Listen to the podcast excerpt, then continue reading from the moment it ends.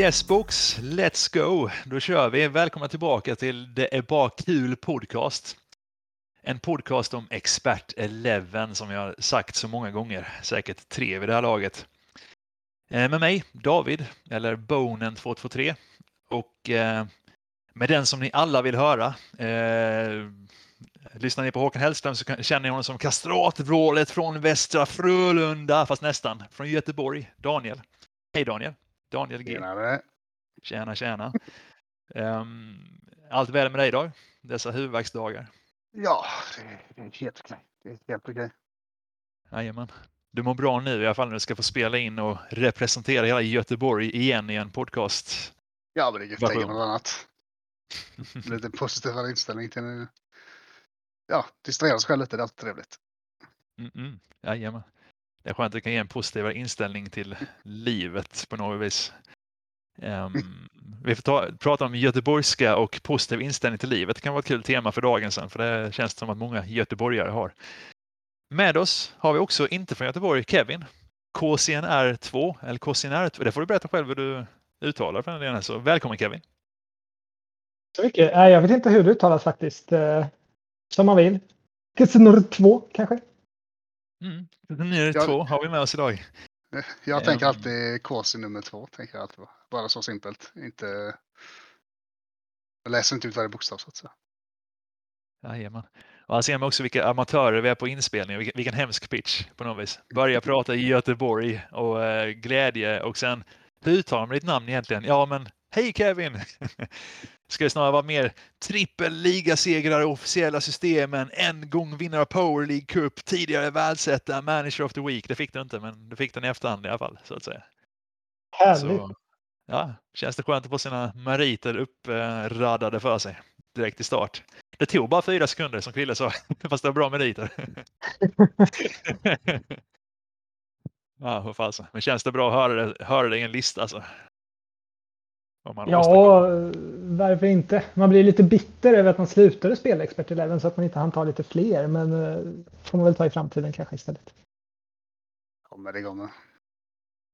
Ja, och det har ju börjat bra eh, tycker jag med din, din lagbyggen som vi ska gå igenom lite grann sen också. För det har vi inte hunnit göra när vi pratat inför podden, eh, nämligen om dina lag. Vi har bara pratat massa annat, Expert Eleven strunt och lite annat. Så eh, det ska du få ta och gå igenom också. Varför slutade du? Back in the days? För det var tio år du var väck från Expert Eleven va? Var det inte så? Ja, någonstans där. Jag var väl världsetta där 2009 någon gång. Eh, och slutade egentligen ganska snart efter det. Eh, nej men det var lite så, jag började plugga, flyttade hemifrån, ville leva ett annat liv. Inte hänga på nätet så mycket. Så blev det att jag släppte Expert Eleven helt. Borde kanske ha behållit något lag och fortsatt köra, men eh, så blev det då. Jajamän. Jag gav faktiskt en eh, annan spelare eh, ett tips om det senast igår som funderar på att sluta nu att om man orkar så är det faktiskt bra att hänga kvar vid expertlaget så länge som man bara känner att man orkar och bara bygga, bygga budget. Denna svåra ordkombination. Bygga budget. Bunkra ekonomin så länge som möjligt på något vis faktiskt. För får man tillbaks lusten om fem år så kan man ju börja börja bra i sådana fall eh, faktiskt. Snarare starta om från noll. Liksom. Det tar ingen tid att bygga ekonomi heller. Lite, mm. som, eh, lite som Robin eh, har gjort. Eh, Rojoso eller Rojoso eller vad fan han nu heter. Eh, mm. Han har ju, jag tror inte, han har ju ingen brinnande aktivitet i sig men han har ju jävla massa miljoner på sitt officiella lag. Ja, ja det är Så nice. Jag vet inte riktigt vad han väntar på längre, men eh, det kan han kan svara på. Jajamän. På tal om eh, Rojoso eller Rojoso och Snär 2 och eh, Bonnen 223 och andra Daniel.g och andra mediokra så användarnamn. Har ni något favoritanvändarnamn som ni stött på förresten sista, alltså inne på Expert Eleven? Ett litet sidospår som jag inte har planerat. Men... Eh, alltså han som heter Kuk 2000 eller vad det är. Det, det är ändå rätt. det är ditt favoritanvändarnamn. det är det bästa jag sett. Så. Det finns ju rätt många användarnamn som ser ut som att de egentligen skulle vara lagnamn. Då brukar jag alltid skratta lite för mig själv och tänka att det eh, är någon som inte fattade vad det var han skrev in från början. Ja. Nu kommer jag på några på rak arm bara för det, så jag ska inte säga just dem som exempel, men eh, absolut, när man har lagnamnet typ eh, Gränums IF, liksom. Bara, ja, men är det, är det det du heter? Verkligen? Eller managemnamnet Gränums IF, liksom. Det blir lite, Ja, visst. lite blankt. Lite platt på något vis. Själv gillar jag Giraff Svan. Tycker jag är ett bra namn på ett användarkonto. Det kan vara min favorit. Giraffsvar. kan vara min favorit jag stöter. Bäverkatt också väldigt så här. Jag gillar djurkombinationer som eh, användarnamn på Expert Eleven. Det ser kul ut när man ser det på något vis. Liksom. Ja, jag kan ju säga att hade jag gjort ett nytt konto så hade det hetat Sillstrupan. Jag gillar Sillstrupan. Jag tycker det är ett, det är ett fint namn tycker jag. Men eh, nu blev det inte så. Jag hade mitt gamla konto kvar. Och för alla som har hört av sig och undrat, eh, tusentals personer har hört av sig och undrat minst till mig. De vågar inte höra av sig till Daniel eh, personligen. De, ja, men verkligen. De är rädda för din, eh, ditt, eh, ditt ökända, din ökända ilska som är en grej i Göteborg. Men eh, var kommer sillstrypan ifrån egentligen från början? Eh, det, kommer från eh, Göteborg. Det är ju Nationalteatern. Eh, har sin, de har en låt. Eh, vad är den heter? Doing the omoralisk schlagerfestival. Och det är helt enkelt därifrån det kommer. Det, det, det är så simpelt. Eh, eh, jag gillar namnet bara där, där är det. Det är som du sa, Vad du gillar djurkombinationer. Det är lite samma grej där. Det lät rätt. Jajamän. Vad hade du gett eh, Daniels eh, sillstrypan som användarnamn, Kevin? Vad hade du gett det för betyg på en skala från 1 till 10? Om det hade blivit Ja, men det, det är nog en tia tror jag. Absolut. Jag gillar det. Ja, det är ett bra namn, eller hur? Visst är det. Jag gillar det. Det, det är framförallt bra i kombination med, med Daniels laglogger som verkligen är två händer som stryper en fisk. Liksom. Jag tycker det är fantastiskt roligt. Ja. Eller David, vad tycker du? Gillar du det? ja, jag håller med. godkänt? Jag håller med till 100 procent. Definitivt. Så jag ska alltså Ehm, byta namn, det är det ni vill? Eh, kör ett nytt konto. Jag och Kevin vi har pratat om detta tidigare i en vecka. Vi måste pitcha detta för. Daniel på ett snyggt sätt i inspelningsformat så han måste tvingas få den sociala pressen på sig att byta till. Nej, det har vi inte gjort, men eh, Jag, jag, gillar, Ja. inte, jag gillar inte användarnamn du har nu kan jag säga. Det, är, det jag inte gillar med det, det är inte så att jag inte gillar, gillar mitt egna namn. Det jag inte gillar är att eh, alla alltid läser inom Daniel.g och skriver det. Det stör mig. Kalla mig Daniel bara. Det är det jag heter. Jag behöver inte säga .g. Men det, eh, lite, det är lite opedagogiskt när det står Daniel.g. mm, jo, precis. Eh, vi pratade lite om det här innan. Att det är okej när du säger det som nu för att folk ska kunna, om de vill, titta upp, hitta upp, ja, leta upp den på sidan. Men Mm, När mm. man si- sitter i klott- klotterplank och någon skriver Daniel.g eh, så stör det mig lite istället för att skriva Daniel. Eh, kan jag säga. Nu vet jag ju vem som kommer göra det varje gång han skriver mitt namn. Det är ju Krille. Han kommer ju skriva det bara för att vara jobbig. Det är garanterat. 100 procent. 100 procent. Ja. Är man, så är man, Shoot, shoot. Vad sa du Kevin? nej, är man nättroll så är man så här. Är man nättroll så är man. precis. Precis, precis. Ehm, om vi ska dra Krilles, eller Christians egen eh, lista på hur podden skulle recenseras denna gång så skulle sågningen av honom komma ungefär runt, vi ska se här, runt minut 77 till 80. Jag vet inte om vi är där riktigt ännu, men vi, börjar, vi går ut hårt. kan vi säga. Vi går ut hårt denna gången. Det får, bli en sån här, vi får, vi får, eh, vi får, vi får ta en timer på det så, så vi vet när vi ska börja. Precis, exakt, exakt.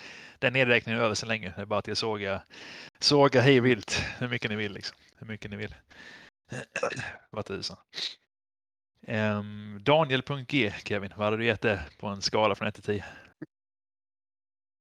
Minus tre kanske. Mm. Tack, tack. Det värmer. Det värmer. På tal om det förresten, när du kommer tillbaks till Expert Eleven Kevin, KCNR 1 som du hade tidigare, eller ja precis, hur, ehm, hur kommer det sig att du inte, kunde du inte ta tillbaks det i efterhand? Eller eh, hur vart det med det liksom? Ja, jag eh, utgick från att jag inte kunde det, så jag testade inte ens. Men sen visade det sig att det var ju bara att logga in med sina gamla användaruppgifter. Jaha, och fasen. Där ser man. Så, då så jag ju det. Jag testade bara lösenord efter lösenord så kom in. Ja, kör vi. Jojomän, jojomän. Men eh, ja, det, det ser ju, folk förstår vem du är ändå så att säga Kevin, misstänker An idiot with a plan can beat a genius with, without a plan, står det som motto på din, eh, din officiella sida. Känner du igen dig i den beskrivningen Kevin, eller känns det som att det ser bara snyggt ut att ha det där samtidigt som du spöar, spöar Daniel om och om igen i diverse ligor? Liksom. Det har aldrig hänt. Nej, känner igen mig gör jag inte för jag är ju ett geni med en plan. Men eh... ödmjuk är jag också för övrigt. Nej, det är det fan inte. Det går jag inte med på. Alla är så, som ni retar mig hela tiden. Varför jag förlorar. Det är taskigt. En ömtålig pojk. Mm, mm. Mm. Jag har fått eh, stryk så mycket av Kevin så att det till och med säger det som ni till och med, så som ni retar mig. Det har liksom blivit en duo av Kevins som bara så här, vet, så här retar, retar, retar för att få stryk så mycket av honom. Liksom. Hårt. Ja. Hårt, hårt. Nej, det går inte bra nu på mig. spelen överhuvudtaget. Allting går skogen. Ehm, det kommer få chansen att spöa oss i alla fall i den ligan vi tre är med i gemensamt. Eh, däremot i Boys in the Hood den här säsongen. Det måste väl kännas ganska skönt ändå. Liksom. Lovande. Okej. Okay. Inte så att jag förväntar mig vinna direkt, men eh, ja, det känns okej. Okay. Chansen finns i alla fall. Mm, mm. Jojomän, jojomän. Um, och frågan som också som alla har ställt sig egentligen. Varför spöar du Daniel så enkelt Kevin? Jag vet att Daniel har ställt den frågan till mig säkert eh, 30 gånger i samtal som vi lärde känna varandra. Um, jag förstår inte hur Kevin spöar mig om och om och om igen. När vi har lika bra uppställning, samma specialegenskaper, allt är exakt likadant och ändå vinner han chansen 8-0 och eh, matchen med 4-0. Liksom. En mild överdrift Daniel, um, mm. men en, uh, så här, en men, omskrivning. Ja. Hur kommer det sig? Hur kommer det sig? Ja, jag tror inte att Daniel kommer gilla det här svaret eh, det minsta faktiskt. Jag har ingen jävla aning om eh, hur det går till, utan det bara är så. jo, för det är sagt, ofta har vi ändå relativt jämn taktik. Alltså, sen så har ju du ägt mig taktiskt mer än jag ägt dig någon gång. Så, eh, om man nu, men ofta som till exempel som i Shoes Life, där har vi ju i stort sett identiska lag, eh, du och jag. Det, det, inte på kartan jag skulle vinna den matchen. Så, alltså, det, jag vet inte, det går inte bara. Nej, nej, eh, nej. jag vet inte, det är störande så in i helvete. Men det, det är samtidigt tycker jag det är lite kul ändå. Det är så här, sånt som det ska vara kul, lite frustrationer. Det blir så gött man väl vinner till slut. Ja visst, nej men det blir lite konstigt för normalt skulle man ju tänka bogeylag eller någonting sånt där men det är ju inte bara ett lag, det är ju alla ligor som vi delar liksom. Ja, vilket är många tyvärr. ja, gissa så himla. Um, jag har lite så mini-oväntat avbrott direkt i starten. Så tråkigt som att jag fått upp mig, kanske kan med i podcasten också för den delen. Jag fick precis upp vår katt, hushållets katt, hem till oss nu. Upp precis jämte där jag står och eh, står och storskriker efter mat. Det är första gången det har hänt i podcastens historia så det är väl en eh, jag lyssnade på en annan podd när någon fick slå ihjäl en geting typ bara för en vecka sedan så det, vi får göra någon slags... Um, du slå ihjäl en katt menar du? Ja, exakt. droppen är ja, sista droppen liksom. Avbryta podcasten också. Det var som... Men eh, jag kanske får ta och eh, låta henne få någon föda eh, snabbt här så att vi kan ha detta ostört. Gör så. Ehm, så eh, ja. ja, det gör jag helt enkelt. Be right back. Jajamän.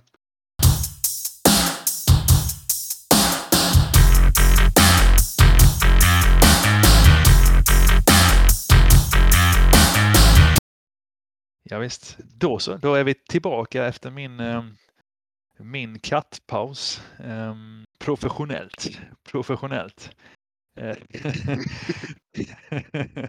det är så här det blir när det är eh, jag tror det är Sunes sommar, den filmen. Så tror jag det finns någon så här klassisk eh, scen med typ någon läkare där i slutet. Han sliter av något gips typ och bara skriker typ att amatörer ska inte gipsa folks ben eller något sånt. Um, det är lite så jag känner mig nu med podcastinspelaren, liksom, att amatörer ska inte sköta journalisters jobb. Liksom. Um, och då har vi ändå, ändå journalist med oss. Ja. Måste man vara journalist för att podcasta dock, känner jag.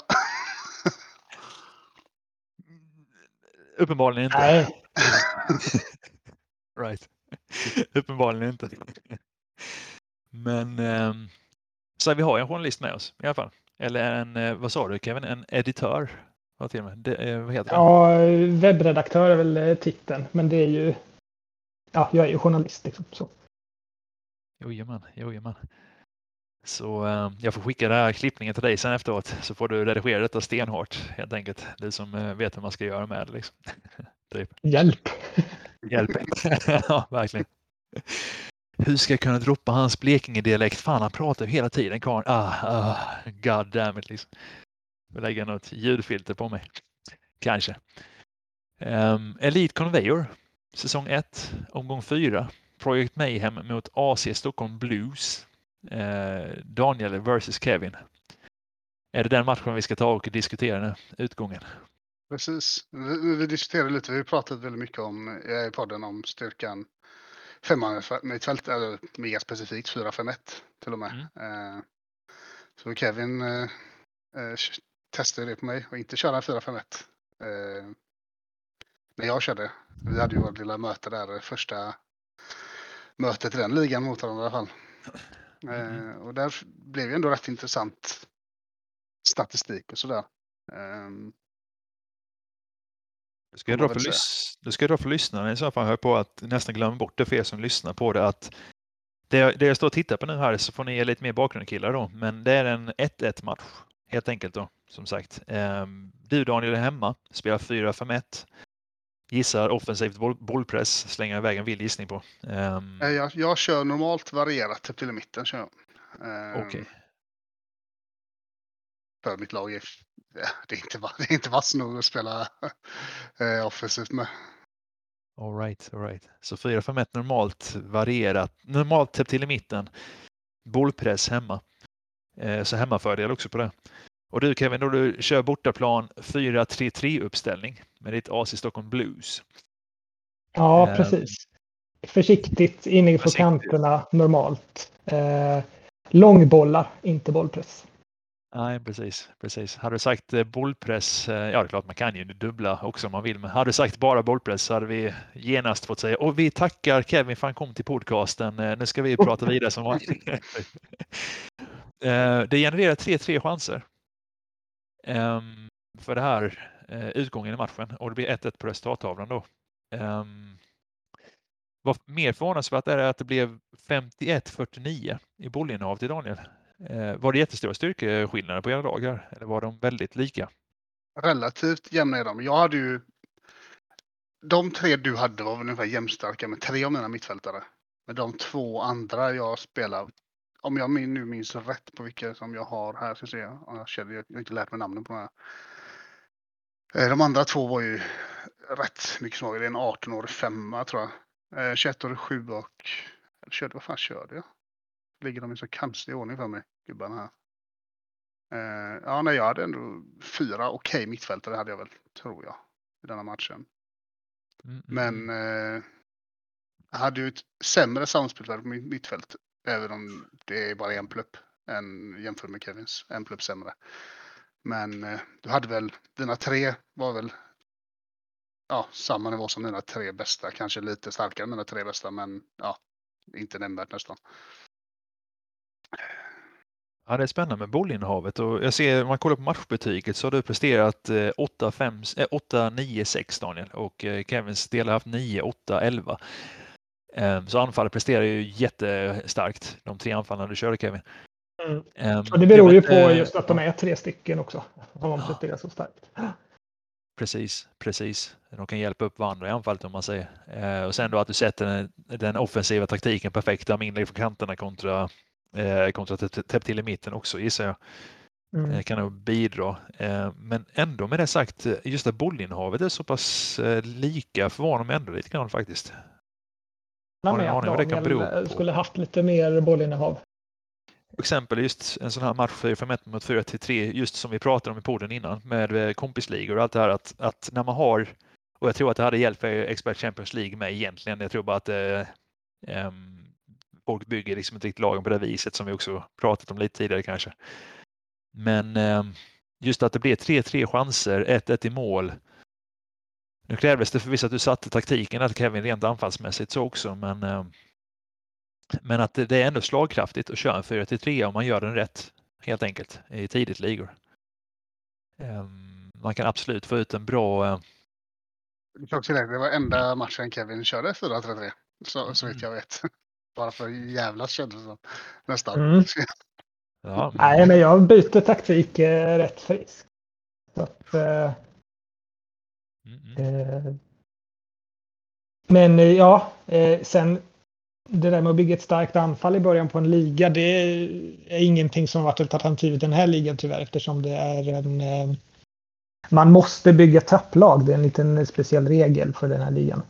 Jag tror till och med att, ja men precis, jag har ju bara två forwards i det här laget. Jag spelade en allround mittfältare i anfallet i den här matchen. Men det är väldigt smart system också. Det har ett jättebra tips till folk som vill eh, vill bygga lag och vill kunna flexa lite grann. Jag har sett att du gjort samma sak, att du gjort samma sak i Boys in the Hood också, nämligen att du har kört tre, tre anfall ibland med mittfältaren och det, det funkar skitbra det också. Alltså när det är eh, när resten av laget är bra runt omkring den om man säger så kan det fortfarande uppenbarligen högprestera. Så det är ju jävligt smart tips faktiskt till lyssnarna. De som vill mm. eh, alternera sig. Ja, det är ja, är... bra tips i allmänhet är väl att ha ett par allround-gubbar eh, just för möjligheten att variera det om det skulle behövas. Mm. Precis, precis. Vad säger du Kevin? Du, ja, jag är väldigt förtjust i allroundspelare faktiskt. Jag, men jag gillar ju att skifta taktik och, och byta och sådär och inte köra samma taktik jämt. Och då är ju allroundspelaren en väldigt stor hjälp liksom, att kunna vara den där extra spelaren när man vill köra extra många spelare i en lagdel så att säga. Precis, och du besparar dig ändå just den här ekonomiska kostnaden av att man ska ha tre anfallare som ligger och tickar pengar och tickar formträningspengar upp i toppen plus inköpskostnaden med såklart om man ska ha en vettig spelare. Så det, och sen är det svårt att ge, ge tre anfallare tillräckligt mycket matchtid också om man inte spelar tre forwards jämt. Precis, precis. Ja, precis. Verkligen, verkligen. Alternativet då är väl kan man köra typ en, man frångår lite den här 4 5 1 och kör en 3 5 2 och alltid, alltid varvar en anfallare på något vis. Um, beroende på hur lång liga det är och hur många matcher man spelar så också såklart lite grann. Um, det är ganska intressant i Expert Champions League. Jag tänkte vi ska prata lite om de resultaten med sen för den delen. Ehm, för det har ju spelat Expert Champions League också. Ehm, jag tror båda de senaste vinnarna har nog kört 3-5-2 snarare än 4-5-1 nämligen. Vilket ju ger det lite mer möjlighet att spela just de här tre anfallarna, om man skulle, alltså att ha dem i truppen om man skulle vilja, tänker jag mig. Men... Ehm. Ja, mot tre backar så är tre forwards eh, hur bra som helst. Det är ju verkligen en taktik som dödar de här tre backlinjerna. Precis, precis. Ja men verkligen, verkligen. På tal om Expert Champions League, eller vill ni prata mer om er eh, match i Elite eh, Conveyor, Roberto 11X liga, på tal om spelare som är med i Expert Champions League och är vidare till kvartsfinaler också för den delen. Har ni något mer att säga om den här matchen? Mer än att, eh, mer än att, eh, ja, eh, du fick inte stryk då, ni fick det inte. Men mer än att du kanske, kanske mm. borde ha vunnit men inte gjorde det då kanske. Åtminstone bollinnehavet. Liksom. Ja, du vann ja, med 51-49 förvisso. Men... Ja, nej, det var ju mer alltså just att det, hur, det, hur det blev och varför det blev som det blev. Det diskuterade vi rätt, det var rätt många kommentarer vi hade där på den här matchen. Um, vilket är rätt intressant att sagt att du, att du fick sån utdelning för ditt mittfält uh, i den här matchen. Eftersom visst, för så här, min medelform, jag tror att jag skrev det, så formen på mittfältet, jag tror de unga var ju på nästan 18, eh, så runt 18 allihopa typ. Och gamlingarna var där på 14-15 eller ja, däromkring i alla fall typ. Eh, ändå så blir ju mitt, alltså jag förlorar ändå den mittfältsfighten får man väl säga med tanke på att jag har fem och du har tre. Ehm, och det, det, är lite skumt att det kunde bli så tycker jag samtidigt. Ehm, Undrar varför det blev så snarare. Mm. Den diskussionen som vi hade om den här matchen sen kan vi, kan vi säga var ju att jag eh, lyssnade på ert poddavsnitt precis när jag satte taktiken till den här matchen. Eh, och skrattade lite för mig själv för att jag, ni började prata om att 4-5-1 var den bästa taktiken av alla som alla borde spela hela tiden. Eh, precis efter att jag hade ställt in 4-3-3 eh, mot Daniels 4-5-1. Eh, så jag tyckte att det var lite roligt. Eh, för vi hade en diskussion där då om att eh, 4-5-1 eh, är nog liksom den bästa taktiken om man bara ska köra en taktik jämt. För att det är en taktik som är svår att hitta svagheter i. Eh, men att den absolut inte är oslagbar om man liksom möter den på, på rätt sätt. Så att säga. Det är min åsikt. Jag håller med. Helt klart. Ja, och jag håller också med till 100 procent. Eh, definitivt. Eh, som vi har varit inne på lite tidigare också, att det känns som att 451 när man tänker på att 451 är den bästa uppställningen, det är liksom, då tar man nästan ut taktiken lite från det, alltså det här att man faktiskt är en aktiv manager på något vis. Och sen lägger man in den ekonomiska aspekten typ i expertligan, hur lång tid tar det att bygga en trupp? Ehm, du, du har egentligen kanske bara möjlighet att bygga ett slags lag om man säger det, man kan flexa lite grann. Och då är det svårare att bygga de här, äh, vad heter det, de här breda anfallen. Um, så det är nästan det man utgår från på något vis, att man, man köper sig själv på lång sikt många fördelar med det här femman mittfältet.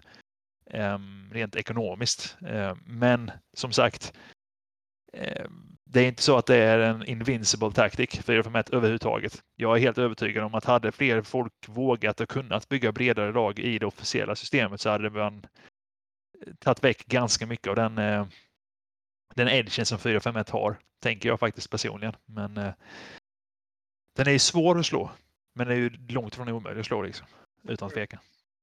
Ja, ja.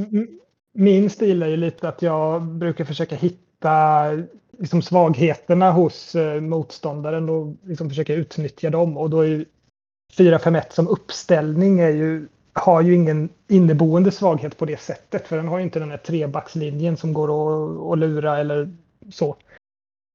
Utan eh, ja, då får man försöka hitta svagheter i liksom spelarna istället. Jag, jag, jag tror väl också det att hade jag haft eh, om man säger att hela mitt mittfält var stabilare. Alltså hade jag haft eh, säg 9 eller 10 genomsnitt på, på mittfältet så hade resultatet och statistiken blivit annorlunda gissar jag på. Eh, nu, nu i den här ligan så kan man inte riktigt ha det eh, heller. Eh, men jag tror väl att det hade påverkat väldigt mycket. Alltså vanligtvis när du kommer till exempel upp till ja, toppen på expertligorna eller expert Champions League så är ju är ju lagen så pass mycket starkare att det är svårare att inte bli bestraffad för, eh, ja, för att du kör en 4-3-3 på det sättet att eh, mittfälterna där är ju, där har de, alla har ju ett ja, mycket starkare mittfält, mycket jämnare mittfält än vad, ja, än vad jag hade här till exempel. Så i detta läget så tror jag det blev ännu bättre för Kevin än det kanske hade blivit om, om jag hade haft 10 medel och, äh, och dina gubbar är 10 medel på mittfältet så tror jag att resultaten hade blivit, eller att, alltså bollinnehav och sånt hade nog blivit större fördel för min del om man säger. Eh, det gissar jag på i alla fall. Definitivt. Och har man då är man också inne på det här, man ska alltid tänka liksom också vilket lag man möter på något vis, just som vi säger bollinnehav att, och varför 4-5-1 och 3-5-2 är bra uppställningar. Då, liksom att har, man, har man jämna lag eller ett bättre lag eh, än motståndaren och man genererar mycket bollinnehav, då skapar det nästan på automatik mer chanser om man säger för att man har bollen mycket. Um, så det är liksom det, det är ju liksom hela tiden baserat på den, har du ett bättre lag det är det som är först, alltså största prion egentligen, att man har ett bättre lag, rent ut sagt. Liksom. Eh, man faktiskt kan hålla bollen med att göra någonting med det. Um, uh, hur ska man säga? Um, är ju, jag håller med helt och hållet. Men sen är ju 5-3-2 eh, kan vara lite farligt. Eller inte 5-3-2, 3-5-2 eh, kan vara lite farligt ibland. Eh, för att den just har den där tydliga svagheten i backlinjen som går att utnyttja för en motståndare som vet vad den gör. Ja, men precis. precis. 5-3-2 på tal om det, älskar jag att köra när man har rätt läge för 5-3-2 offensivt hemma med en stark backlinje. Det kan vara väldigt trevligt eh, mot en motståndare som inte är förberedd på det faktiskt. Ska sägas, på tal om eh, varierade uppställningar. Um... Ja, ja, den är lite mer nischad, men eh, den gillar jag också eh, vid rätt tillfälle. Ja, just att man kan liksom, det, det kanske inte generera de här 8-0 i chanser i matcherna direkt för ens egen skull. Men kan definitivt generera de här 3-0, 4-0, 4-0 i chanser i matcherna i alla fall mot, alltså man kan ställa även bättre motståndare med 5-2 offensivt eh, eller normalt om man så vill. På hemmafördel om man är lite, om man scoutar det rätt så att säga. Faktiskt. Det finns många kul uppställningar. Men som du säger, det är lättare känns som att bestraffa en 3-5-2 än vad det är att bestraffa en 4-5-1. Mm. Eh, det är lite ja, det lättare, om du bygger efter en 3-5-2 så är det lättare att bli bestraffad för det. Helt enkelt. Ja, precis. Och det är precis det som är skälet, tycker jag, till att om man bara ska köra en taktik jämt så är det nog 4-5-1. För att den dels har det här breda mittfältet och dels inte har den här lätt utnyttjade svagheten som, som andra formationer kan ha. Ja, precis. Jag håller med är 100 procent. Ehm, jag tänkte lite grann på tal om din stil, Kevin tidigare så. Hur gillar du att bygga lag egentligen? Alltså? För jag kikar igenom din expertlag och nu tänker jag att um, du är väl i en, i en ny uppbyggnadsfas, uppbyggnadsfas egentligen med dina expertlag och så eftersom du kommer tillbaks ganska nyligen och så. Men det, det lutar ju mer åt att trappa just nu än åt bara one hit wonder. Eh, vet så en, enstegsraket upp en gång och sen bara dö ut. Um, är det något du kommer sikta på officiella ligan och så sett eller är det mer att du bygger just nu för att få upp, få upp pengarna i laget? Om man säger, om man kikar på ditt OL Royal eller Olympique Lyon Real misstänker jag. Ja, precis. Precis så. Eh, ja, det är precis ett trapplag som är idén att jag ska bygga. Tanken är att eh, ha en trupp på 18 spelare eh, Eh, och köpa en ny 17-åring varje säsong eh, behålla tills de är 34, eller ja, tills de har fyllt 35 då i början på säsongen efter de är 34. Eh, så att man alltid har ett rull, alltid kan ha liksom ett hyfsat starkt lag, hålla medelåldern på en bra nivå så att man inte får de här medelåldersbestraffningarna som börjar bli ganska kännbara när medelåldern är 31 och, och över. Liksom. Precis, precis. Ja, verkligen. Det är eh, det har vi kanske inte sagt. Vi, vi har nog nämnt det i podden tidigare och det kommer komma en eh, en eh, guide till detta med Expert Daily så småningom för den delen. Det är ju väldigt liknande den trappan som är på utvecklingsprocent för spelare, medelålder och hur mycket faktiskt matcherfarenhet de får. Men ju äldre lagen blir, vi kan säga det igen, bara för de som är lite nyare in i spelet, för er som är det, att ju äldre lagen blir, desto mindre av sin kapacitet presterar de. Eh, så riktigt så här beginners tips är ju att köp inte in ett lag med 36-åriga 14-pluppare, om de ens kan vara så starka då, men 36-åriga 12 och tro att det kommer prestera som 12 Utan de kan bara prestera som 8-9 pluppar om hela laget är en, har den medelåldern. Så medelåldern spelar jättestor roll. Man vill ju gärna landa någonstans runt 26, 27, 28 år för att få ut kapaciteten på laget. Så där, eh, jag tror vi har sagt det tipset innan, men det kan vara värt att nämna igen kanske för lyssnarna. Faktiskt. Hur lång, tid tog det, hur lång tid tog det för er att fatta det förresten, att eh, matcherfarenheten spelar så stor roll? Liksom? Hur långt in i ert spelande var ni när ni förstod att, eller vad säger match, medelåldern på laget, att det spelar så stor roll för att få ut, eh, för att få ut styrka? Kommer ni ihåg det? Ja, du först Kevin. Eh, ja, det beror på hur man räknar. Jag menar när jag spelade för en tio år sedan eller så, så spelade jag när det infördes. Eh, och då kom det ju liksom ganska detaljerad eh, genomgång av hur det här fungerade. Eh, så det hade jag ju med mig att det existerade när jag började spela igen så jag kunde kolla upp det. Så att jag har haft det med mig sedan start egentligen. Kan man säga. Ja, och jag har väl i stort sett samma svar där att eh, man var ju, ja, jag spelade när det, när det kom. Eh, och det var väl egentligen eh, rak respons på att det var folk som utnyttjade ehm, ja, gamlingssystemet, att man bara köpte gamlingar. Eh, och eh, ja, de tappar inget, du tappar ingenting på det. Att bara ja, ha gamlingar i laget. Det blev, det, det, blev ju inte riktigt som jag skulle säga, Ive hade tänkt sig tror jag att så skulle man bygga lag. Eh, och därför la de in bestraffningen för att de här lagen existerar. Och jag, om jag minns det rätt att folk utnyttjade det systemet väldigt hårt. Då. Ja, det, det var ju lite för att göra det till till att det inte skulle vara det enda gångbara sättet att vinna. Att liksom bygga ett juniorlag och träna upp dem tills de blev gamla. Liksom. Ja, precis. Men det var ju jävligt mycket ett tag där folk som bara köpte, alltså verkligen hade 100% gamlingar, hög skill eh, Eh, och bara ja, körde skiten. Var, var inte du bland dem Kevin? Om jag inte minns helt rätt. Inte, inte kanske helt så, men att du fick väldigt mycket skit för det i alla fall. Du och Krille vet jag fick eh, en del skit för mig för att ni ja, inte tog hand om era lag. Förstår du? Det var man behöll dem för stunden och sen så bara skickade man av. Då bytte man lag när den blev för gammal. Typ. Ni fick inte bara ja. skit för att ni var Kevin och Krille utan ni fick skit för att ni gjorde någonting också om man säger. Nej, det ogillades ju det här med att eh, liksom, man hoppade från lag till lag via Platsbanken och eh, ja, vann med gamla spelare och sen hoppade vidare.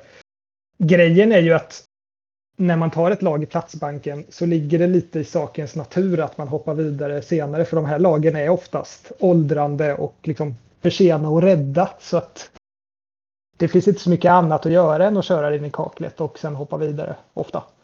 Eh, ja. Men ja, det, det, uppskattas inte av communityt. Det gjorde inte det då i alla fall. Nej, jag, jag har aldrig riktigt förstått det där. Alltså, att folk fick så mycket skit för att man gjorde det. Alltså, finns det i spelet så får man göra det. Alltså jag, jag, jag, ändå, jag tror rätt starkt på det här att sen att det kanske inte är så man själv hade valt att spela spelet själv. Det är väl upp till dig mer än att man ska slänga skit på andra för att de eh, inte kör som du tycker är rätt. Jag är inte riktigt. Ja, jag tycker det var väldigt konstigt, konstigt mycket hat mot folk som ja, körde de här eh, ja, gamblinglagen. Fanns det i spelet så får du göra det. och Jag förstår inte att folk gnäller så mycket över, över att man utnyttjar systemet som finns. Det, jag menar, det är likadant för alla, alla kan göra det. Eh, jag tycker det var väldigt oförtjänt mycket hat många fick över det. Ja, ja jag håller med faktiskt. Ehm, det är en sak att man, att man på något vis har den här äh, aspekten i huvudet och att man, man tycker det är kul att äh, man har en slags ja, men typ hjärta för klubben aspekten på något vis. Liksom. Men äh, att man själv känner så är en sak och att sen hata andra som väljer att spela ett spel för att nå framgång på ett spel eh, på ett bra sätt. Liksom, jag, jag tycker det är lustigt att man liksom blandar ihop de två på något vis. Liksom. Um, med det sagt så är jag sån som själv gillar att hänga kvar i min klubb och allt det här. Jag kommer nog köra det bara för att man bygger, man bygger liksom spelupplevelsen via affektionsvärdet framför allt på något sätt. Liksom. Så det är jättekul den biten också. Men eh, man hade inte gått in till första bästa som tagit ett gammalt lag och bara Vad gör du? Så kan man inte spela! Åh, din... ja, alltså, det blir ju helt för mig nej, nästan jag, verklighetsfrämmande. Liksom. Ja, nej, men det är just det att vad fan, du får ju, alltså, tillåter spelet det så, så varför, varför, ska jag klaga? Du får spela. Sagt, jag går inte in och klagar på dig då, att du vill stanna i ditt lag om man säger varför ska du klaga på någon annan som eh, ja, spelar på sitt sätt. Det är lite där jag inte riktigt förstår hatet i det. För jag menar, du får ju spela så, så varför, varför klaga sig så jävla mycket? Ja, precis. Om jag gillar att förlora med min trappa så låt mig förlora med min trappa. Jag är glad. liksom, så god damn it. På tal om att förlora med trappor, fast eh, du kommer säkert vinna Kevin mer än vad du förlorar om jag eh, eh känner din coachingförmåga rätt till och med i alla fall faktiskt. Um, men eh, Olympic Lyon du kommer köra en trappa. Du, du, har ju själv skrivit att du ska vara kvar i det laget. Så. Eh, hur känner du för den, alltså just fantasilag som så och för just de här lagen? Typ, är det så att du gillar att bygga affektionsvärde för dina lag och att det är därför du bygger en trappa? Eller vill du göra en trappa och hänga kvar för att du vill ha den utmaningen på något vis? Att jag gjorde det på ett annat sätt förra gången. Nu vill jag testa en ny utmaning. Eller kommer det sig att det är trappa du siktar på? Och varför just Lyon också förresten? Favoritlaget gissar jag, men hur har det blivit så? Eh, om vi börjar med den sista frågan så är ja. det så att min eh, mamma är från Lyon. Eh, så att det, jag har en koppling till, till stan så. Eh, har du varit där någon gång och eh, sommargästat där om man ska säga?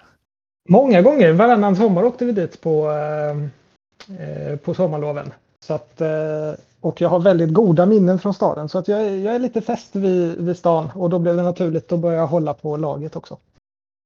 Jag måste ställa som följdfråga. Har du sett en match med någon där nere? Eller har du sett tusentals? Har du säsongsbiljetter på Lyon?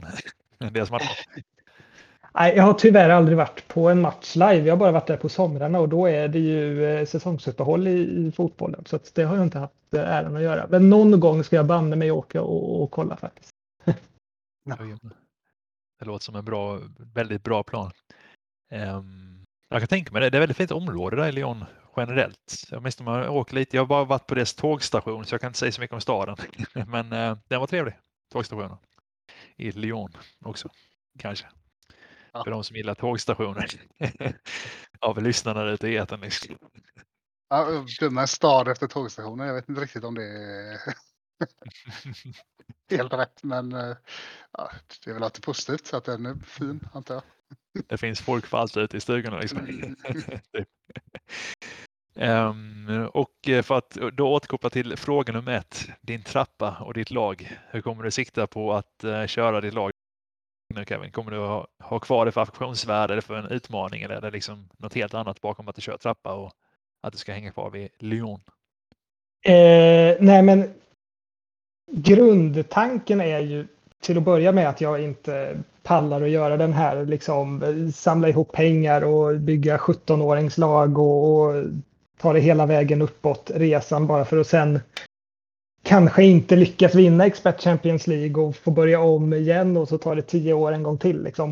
Eh, det känner jag är, är, lite, lite trögt. Så jag vill istället testa och se om det går att göra det på det här sättet istället. Eh, jag kan ju inte se något lag i närheten av toppen i någon av de officiella ligorna som eh, verkligen har byggt den här typen av lag på ett så disciplinerat sätt att man kan hålla det rullande med en jämn nivå hela tiden. Utan ja, jag vill testa om det går helt enkelt.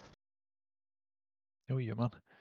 Ha, nu får ni rätta mig om jag har fel. Jag vet inte om ni har inte Ive eller Sarde? Eh, det måste vara Ive tror jag. Vad som är, är inte han uppe i ettan någonstans med trapplag? Tänker jag helt galet nu? Tänker det kan vara intressant att nämna eh. eftersom de är eh, lite så här fundamenten för spelet på något vis, just de använder. Jag tror, tror det är så. De har ju bara lyckats för att de har fuskat. Så enkelt är det. ja, ja det tror jag inte. Nej, det tror jag heller, men måste ju slöja Jo, men Ive är uppe i tvåan här säger jag. Eh... Så inte jag minns helt galet. Där. Glömminge IF, kan det, vara, kan det vara det som man kör en trappa på kanske? Ja, det är en trappa. Sen är spelarna kanske lite sämre än vad jag tänker mig att ha i, i min trappa. Mm. Jag ser det nu också.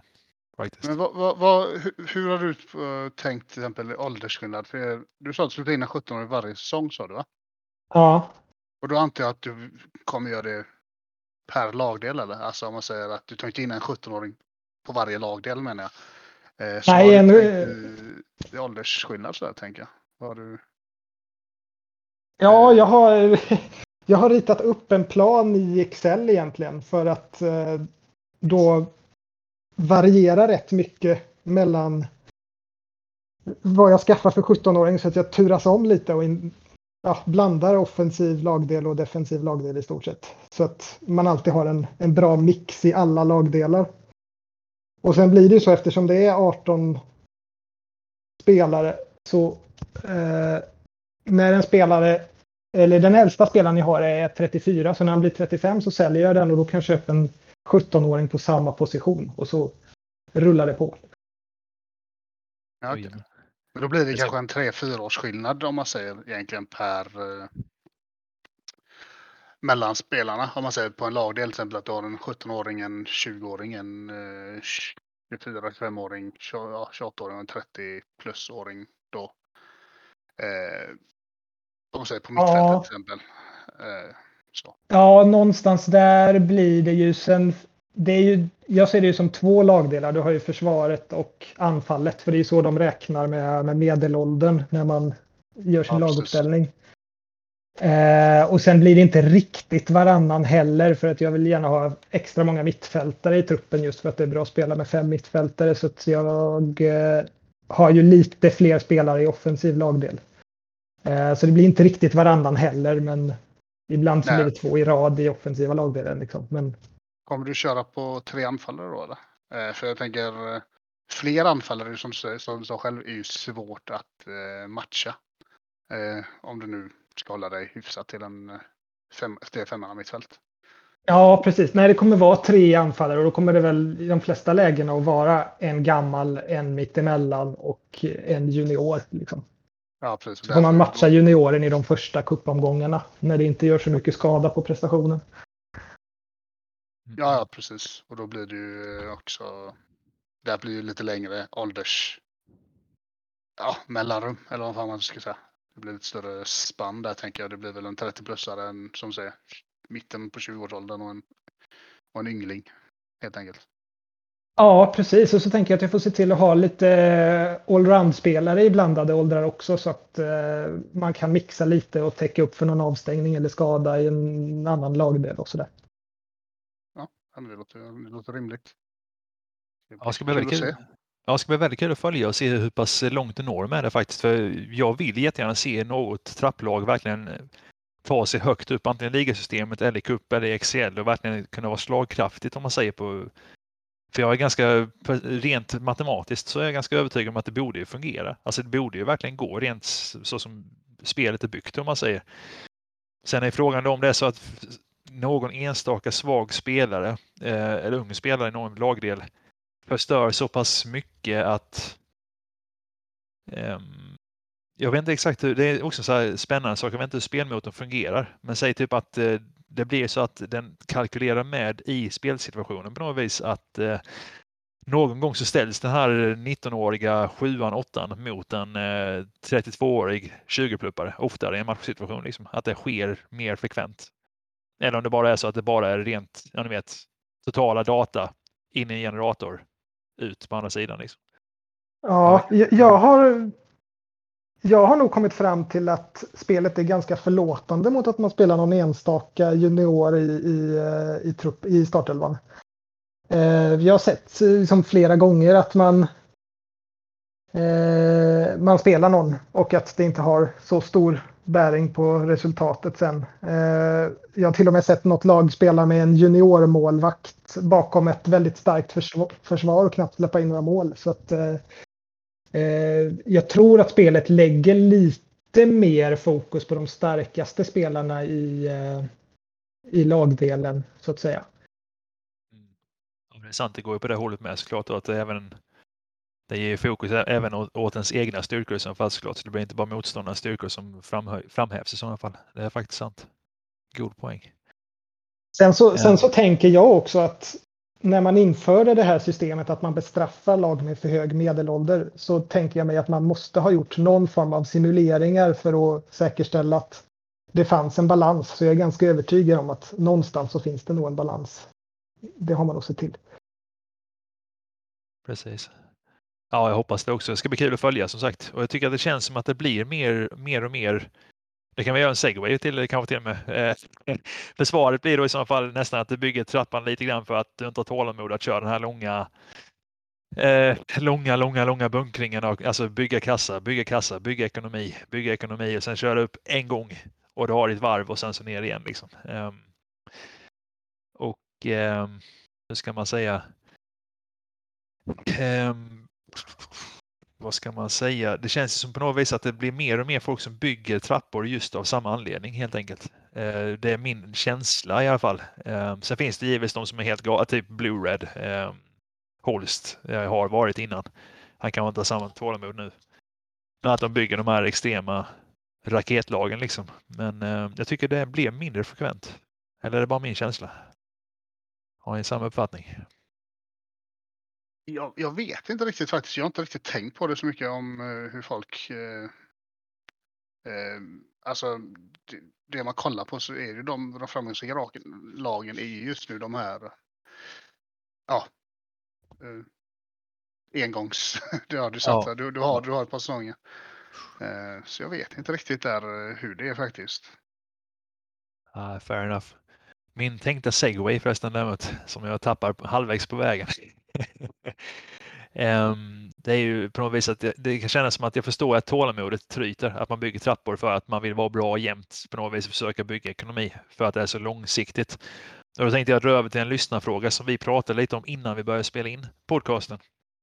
Vi fick en lyssnarfråga nämligen från Superhank. för, inför förra avsnittet egentligen som vi inte tog när vi hade Anton på plats här. Ehm, just det här med att ehm, alternativ på att snabba upp det officiella systemet. Det är ju du också en supporter av Kevin. Eh, Superhand kan fundera på om man kunde tagit och eh, fimpat helt enkelt kuppen rakt av i de officiella ligasystemen och kört dubbla ligamatcher så sätt istället. Så man hade gjort ligan eller säsongen hälften så eh, långdragen som den är nu.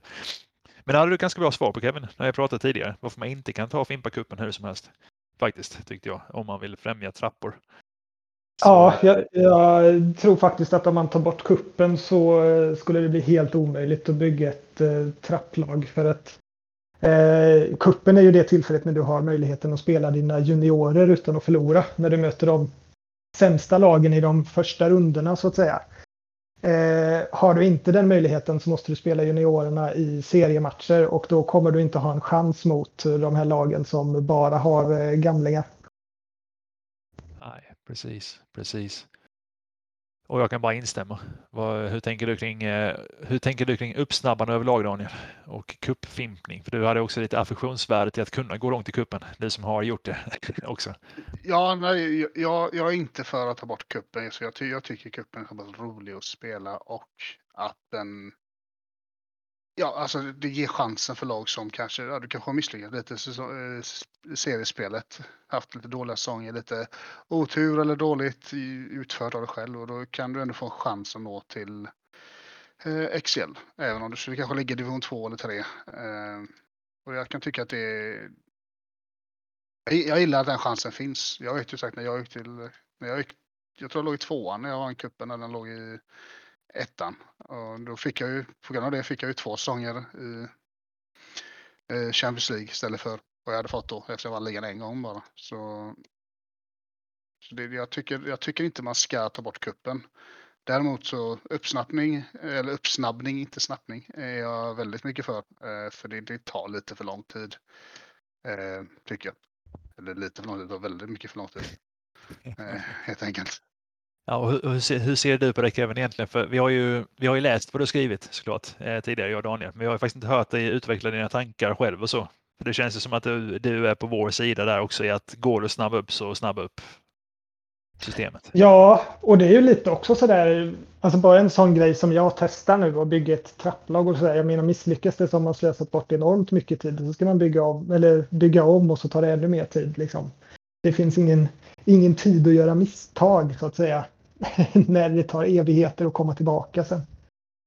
Eh, och en idé som jag hade var ju att man eh, man gör allting dubbelt så fort. Man får eh, sponsorpengar dubbelt ofta. Man spelar två seriematcher, två cupmatcher i veckan. Klämmer in två XL-omgångar också för de som spelar där. Eh, då har man match sex dagar i veckan men det ska väl fungera för de mest dedikerade. Och så får man se till då att ja, men formträningarna går på två eller tre dagar istället för fem och så vidare. Så att allting kan vara precis som det är nu egentligen. Bara att det går dubbelt så fort. Ja, precis, precis. Um, ja, jag, jag, kan ju bara hålla med fortfarande även där. Um, det sa vi tidigare med förresten i podcasten, men jag tycker det, personligen tycker det låter som ett väldigt intressant och bra förslag. Um, och nack, delen som vi varit inne på också lite grann, fast det, den är svårare att hitta tycker jag personligen, men just det att man har det här med prestigebyggande å ena sidan då att det på sitt sätt så är det mer prestige om man, eh, om man har det verkligen att det, är svårt att skapa ett riktigt topplag eh, över lång tid. Alltså just för att det är långdraget så ger det prestigetillskott för denna enda enskilda anledning på något vis. Um, jag köper inte riktigt argumentet själv, men det finns som ett argument i alla fall. typ så. Och sen det andra då såklart att frågan är om, om det går att koda in det överhuvudtaget utan att hela systemet eh, brakar rent servermässigt då såklart. Um, men egentligen så är det bara samma ekvationer egentligen så, så det är mer en omkodning tänker jag i mitt huvud snarare än att det är en än att man lägger till nya saker. Man, man snarare hade bara behövt förändra tidsaspekten på kodningen tänker jag på något vis. Så det borde inte vara en katastrof. Men eh, ja, Nej, så är jag inte heller programmerare. Den, den, delen för att kunna ge något svar är jag ingen aning hur det sånt där fungerar personligen. Eh, har, du, har du koll på programmering Kevin, det som ändå sitter som någon form av, eh, vad heter det, eh, webbredaktör, jag säga. Mm, nej. nej, någon programmering kan jag inte. Men, men en annan tanke, om det inte skulle gå att snabba på det så att det går dubbelt så fort, då skulle man kanske kunna gå ner på jag vet inte, sex lagserier så sparar man fyra veckor i så fall. Då kan man ta bort gruppspelet i XL så har man sparat in de fyra veckorna där om man kör ett dubbelmöte istället. Eh, skulle kunna vara en tanke. Det hade också varit ett väldigt bra alternativ faktiskt. För eh, man kunnat gå rakt in i slutspelsfas i XL direkt från start istället så hade det kunnat vara, ja, men det är väldigt intressant faktiskt. Det är lätt, lätt sätt att köpa sig tid faktiskt. Så ja, har du varit rådgivare för eh, spelsidor tidigare Kevin? Eller har du bara så bra förslag liggande på lager eh, alltid? Liksom? jag, jag eh, tycker att det är lite kul att fundera på hur saker skulle kunna göras bättre. Så att, eh, det är väl det kanske. Jag tror att jag var med i något sånt där förslagsforum, Expert Eleven, för, förr om åren. Men eh, jag tror att det fanns något sånt där internt som några utvalda var med i förutom spelutvecklarna. Liksom. Jajamän, jajamän. Det märks, det märks. Så ger vi ännu mer beröm och så gör vi dina, vet jag, dina, alla dina kritiker och uh, hatmotståndare ännu mer ilskna på oss. Liksom. Det är bra Kevin, det är bra. Ah, alltså. Han får bara beröm den jävlen som han, jag, jag får aldrig. Ställ dem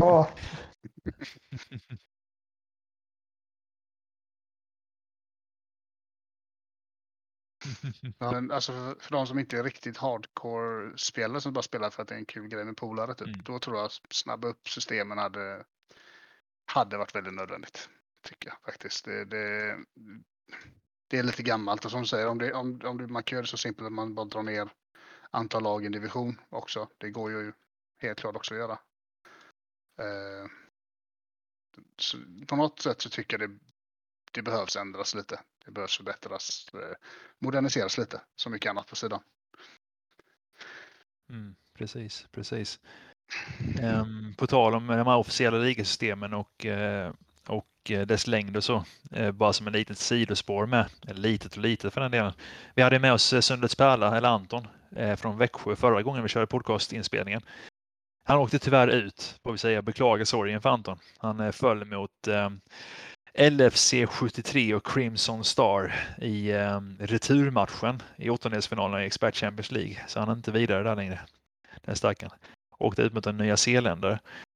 Eh, dessutom så åkte faktiskt eh, Diani, Holst, Pavolainen, vilka har vi mer som åkte Meivik, alltså hela den svenska eliten i princip åkte ut på ett bräde i första sånär som på Plastikman och eh, Maciert tror jag man gick vidare från eh, från åttondelsfinalerna.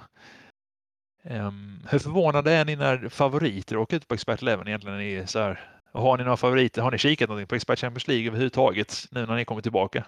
Eller är det bara som en blank, alltså blankt papper för er, liksom, att ni vet inte alls hur det ser ut i, uh, i Excel för egen del? Så, så, en kritisk fråga, sätt er på pottkanten. Så har ni kollat killar? Har ni följt? Liksom? Jag har lite koll faktiskt. Eh, jag är ändå intresserad av att se liksom, vilken typ av lag som går eh, långt i XL. Eh, just för att liksom, planera för egna förtida lagbyggen. Så att man inte blir allt för mycket sämre än dem utan att man faktiskt ska, tanken är att kunna utmana dem någon gång i framtiden. Det tar ju några år. Men Ja, precis. precis. Ja, men jag kan hålla med. Jag har också försökt ha lite koll. Jag går inte in så mycket och kollar eh, individuella ligor utan man har koll lite på de som tar sig dit, kikar lite på lagen och så. Och på tal om det du säger, man får ändå säga att Sveriges främsta hopp i eh, XL fortfarande är ju kvar för allt, det får man väl ändå ge till eh, Plastikman. Att han, han har väl eh, starkaste laget väl, till och med i hela hela XDL tror jag. Eh, bara. Ja, precis. Alltså, med inte... ögonmått. Om man sen, eh... Ja, det är, ingen, tänkte, det är ingen slight. Det är ingen slight mot underbara pannben United och McGiart eh, som också har ett trevligt lag eh, och ett fantastiskt lagnamn på tal om namn tidigare. Men eh, Visst, är, visst, är, visst har Plastikman det bästa bygget? Jag håller med dig Daniel. Shoot. Jag, jag, jag, tror ju FC IHC är väl också svenska. Jag tror han skriver på svenska i alla fall. Eh, jag har sett han i klotterplanket tror jag skriver på svenska i alla fall. Jaha, jag han läste om amerikan kanske. Men... Jag ja, okänd okänd står det på han. Eh, jag för mig han har skrivit på Irving 94. Nej, det står ett av USA. Jag för mig han har skrivit på svenska den jäveln. Uh, han är med i Hälsinge Fantasy P13 till exempel. Uh, vilket är... Ja, jag vet inte, men jag, jag, jag för mig, jag har sett han skriva i klotterplanket eller fan det är på, på svenska. Uh, vi, vi, har, vi är med i samma uh, ja. officiella liga. Så på så samma sätt som eh, Kevin är en smygfransos så är kanske Irving 94 bara en smygamerikan eh, i sådana fall. Då får, jag be, då får jag säga, då är det tre svenskar med av åtta i sådana fall. Om man, ja, är, jag, om man är svensk. Ja, jag, lo, jag, lovar ingenting, men eh. Jag tror det. det är som, jag vet att min polare gjorde ett konto nu när jag startade min liga och han kunde inte välja att vara svensk. Så han ifrån Alabama i USA. Så, jag, så, han fick inte välja att han var svensk. Så jag vet inte riktigt vad det är. Hur det är. Börjar vi se små systemfailures och anledning, anledning till varför de inte vågar koda upp det snabbare kanske. Kan det vara så pass till och med? Vem vet? Vem vet jag? Vem vet? Indeed, indeed, indeed, indeed. Ska vi ta och gå vidare på ett helt annat sidospår tycker ni? Montreal. Ja, varför inte? Absolut. Ska vi se om vi tar lite, vi kör lite mer eh, jag har fått in lite förslag, framförallt från eh, min polare Martin, Paradoxernas, eh, eller Fining hette han tidigare, hans konto. Har ni koll på Finings slash Paradoxernas prestationer förresten? Så kan jag boosta, boosta honom lite grann med i podcasten. Eller det är när du säger nej, vi har aldrig hört talas om honom och sen så får han det istället. Du vet väl lite i alla fall Daniel vad han har gjort? Ja, ja precis. Och han har ju vunnit. Han är ju en Hall of Famer. Jag tror att vi har väl haft någon närmare kontakt jag och han så eh, tidigare när jag spelade. Men jag har ju spelat i samma ligor som vet jag innan. Eh, för hundra år sedan nu blir det väl. Och det var ju innan han blev eh, Paradoxernas eh, främst. Eh, men jag har lite koll på honom, det får jag säga. är det alltså, är det Fining vi pratar om alltså? Precis, ja. precis. Eh, han slog ut mig eh, i Expert Champions Leagues semifinal en gång för tio år sedan.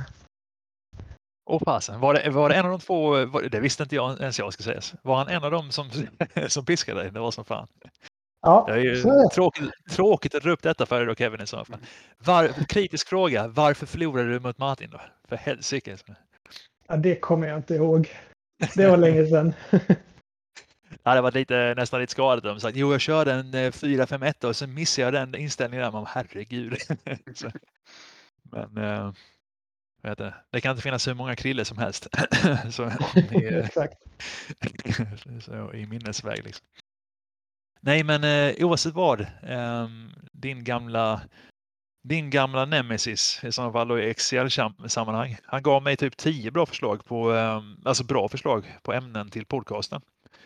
Och det ena var att kika igenom lite vad som hände i forumen på expertleven faktiskt och kika lite vad som eh, vad som sker, vad, tips och förslag för användare, hur det, ja, om det händer något särskilt överhuvudtaget på sidan. Och eh, då hittade jag faktiskt något intressant. Jag tror till och med jag fick det tipsat till mig.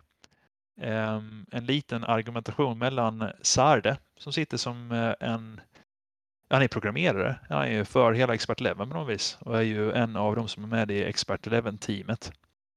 Och eh, även Kent Lionpaw som också är en känd, eh, en känd profil i forum som har många, många förslag. Många bra förslag med ska sägas på förändrings, eh, förändringsbiten av expertleven. Och det har varit lite kul att höra vad ni tycker om detta för de kom med en minimal liten kontrovers här i eh, det officiella forumet om eh, denna eviga stöttesten eh, på något vis, forumen formen för lagen och formras och så vidare. Och så vidare. Ehm, som alla är väl familjära med att formen rasar. Där då Lionpaw anser att ehm, vad heter det? Vi har spelat spelet och stått ut med spelet i 13 år i princip. Ehm, eh, och man försöker helt enkelt påpeka att eh, det skulle kunna vara bättre med formen och det skulle kunna vara lättare med utvecklingen och man skulle kunna utveckla spelare lättare på många sätt och vis. Och eh, Sarde han svarar att han spelar expert Leven för att det inte ska vara ett, jag ska citera det rakt av, inte är ett glass och ballongspel. att det är för enkelt att vinna på expert Leven helt enkelt. Vad tycker ni om det egentligen med formen? Och eh, hur svårt ska det vara? Tycker ni det är lagom svårt med formen idag? Hade ni hållit med Lion på att det behövs bli lättare med formträningar och, och så? Eller tycker ni som Sarde att, eh, att eh, alltså, det ska vara svårt? Det är roligt när det är svårt. Det är roligt att ha en utmaning med form och formras också som en faktor. Vad tycker ni två om det? Lång fråga, men vem av er känner sig manad? Gästen kan få börja, tänker jag. Jajamän. Han ändå här och besöker. Det är jag det, alltså. Ja. ja. ja eh... Än är du inte host, än är du inte värd av vår stora podcast. eh, nej, men så här, jag tycker, eh, jag håller i grunden med Sade i den här eh, frågan egentligen. Jag tycker att eh, det är bra att vissa delar är svåra och det är lika för alla. Eh, så jag har inga större problem med att formen rasar ibland eller ja, inte ofta heller för den delen. Ehm, det jag däremot eh, vänder mig lite emot är att man eh, straffar lag som går långt till exempel i, i kupperna eh, eftersom formrasen fortsätter tills man hunnit slutföra en formträning. Så att det betyder att har man fler matcher så kommer formen att hinna rasa i fler matcher innan formträningen är slut. Eh, så där spelar man ju inte riktigt på liksom. Den som går långt spelar inte riktigt på samma villkor som den som inte gör det så att säga. Och jag tycker att det är tråkigt att man straffar dem som det går bra för. Eh, så det är mina två cents. Jag vet inte hur man ska lösa det. Om man kan eh, se till att den här liksom vändningen av den dolda formtendensen sker när man startar formträningen istället för när träningen är slut. Så att en spelare som håller på att träna inte fortsätter att rasa eller vad man kan göra. Men, men något tycker jag att man behöver kika på i alla fall. Mm. Mm. mm. Hur känner du Daniel? Ja, eh, jag känner väl sagt att man ska försöka jämna ut formen du kan tjäna och formen du kan tappa lite bättre. Det är väl min främsta egentligen. Eh, eh, att det känns som du är mycket större chans att du tappar fem formpluppar än att du tjänar fem formpluppar. Och det hade jag gärna sett att den korrigerades lite till att utjämna det. Annars så, så, så tycker jag väl att, som Sarve säger, det ska inte vara för enkelt heller. Men jag tycker att potentialen av formträning ska vara lika hög som det potentiella formtappet är. Och det känns inte som det är just nu. Jag, jag kan inte säga att jag har kollat någon statistik på det, men det känns inte som att det är 100% jämnt för stunden. Mm, mm, mm. Jojomän. Så jag tror faktiskt att det är så att eh, om du ligger på låg form, typ 2 i form, kontra när du ligger på 18 i form, så är liksom formen du kan vinna från 2 lika bra som formen du kan tappa från 18. Det är nog den där liksom gummibandseffekten som man pratar om. Att det rasar mer när man ligger högt och det går upp mer när man ligger lågt. Bara att man inte riktigt märker det eftersom man alltid ligger hyfsat högt i form eftersom man formtränar. Ja, precis. Han tror till och med han skrev det där att, att man alltid att gubben kommer alltid försöka dra sig mot att ligga på 10. Eller noll så att säga, neutralt menar jag då. Eh, mm, mm. Eh, och att det är ja, därför kan man tappa lika mycket så. Men jag vet inte, jag tycker det sagt. Det hade varit, för ibland som sagt att du inte kan på något sätt förutspå det eller att det inte finns något sätt att motverka det utan att det, det, det är en överraskning varje gång det sker. Det är lite, tycker jag, ja, så det, ja, jag vet inte vad jag säga, det är lite svårt tycker jag. Eh, vilket gör det också lite tråkigt för jag är inte för mycket när det är för mycket random heller. Att det inte går att läsa det riktigt eh, ordentligt. Precis. Det pratade vi också om lite tidigare, att det hade på något vis, jag tror att mycket av den här, frustra, den här akuta frustrationen många känner med formras och sånt är ju att hade man lättare kunnat läsa när det händer så kan man lättare förstå det bättre. Nu känns det mer som att det, det är presentationen av det är mer som en käftsmäll rak på något vis. Att där tappar han fem pluppar. Det var då själv eh, snarare än att det faktiskt blir en slags eh, att det finns en tydlighet och en enkelhet i att förstå systemet på något vis. För då bygger man ju väck frustrationen ganska mycket om man är lättare att läsa det.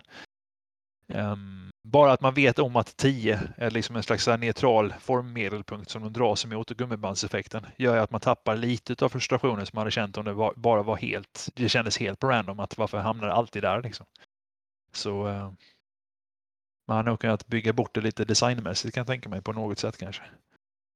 Snarare än ja. att ändra systemet helt och hållet faktiskt.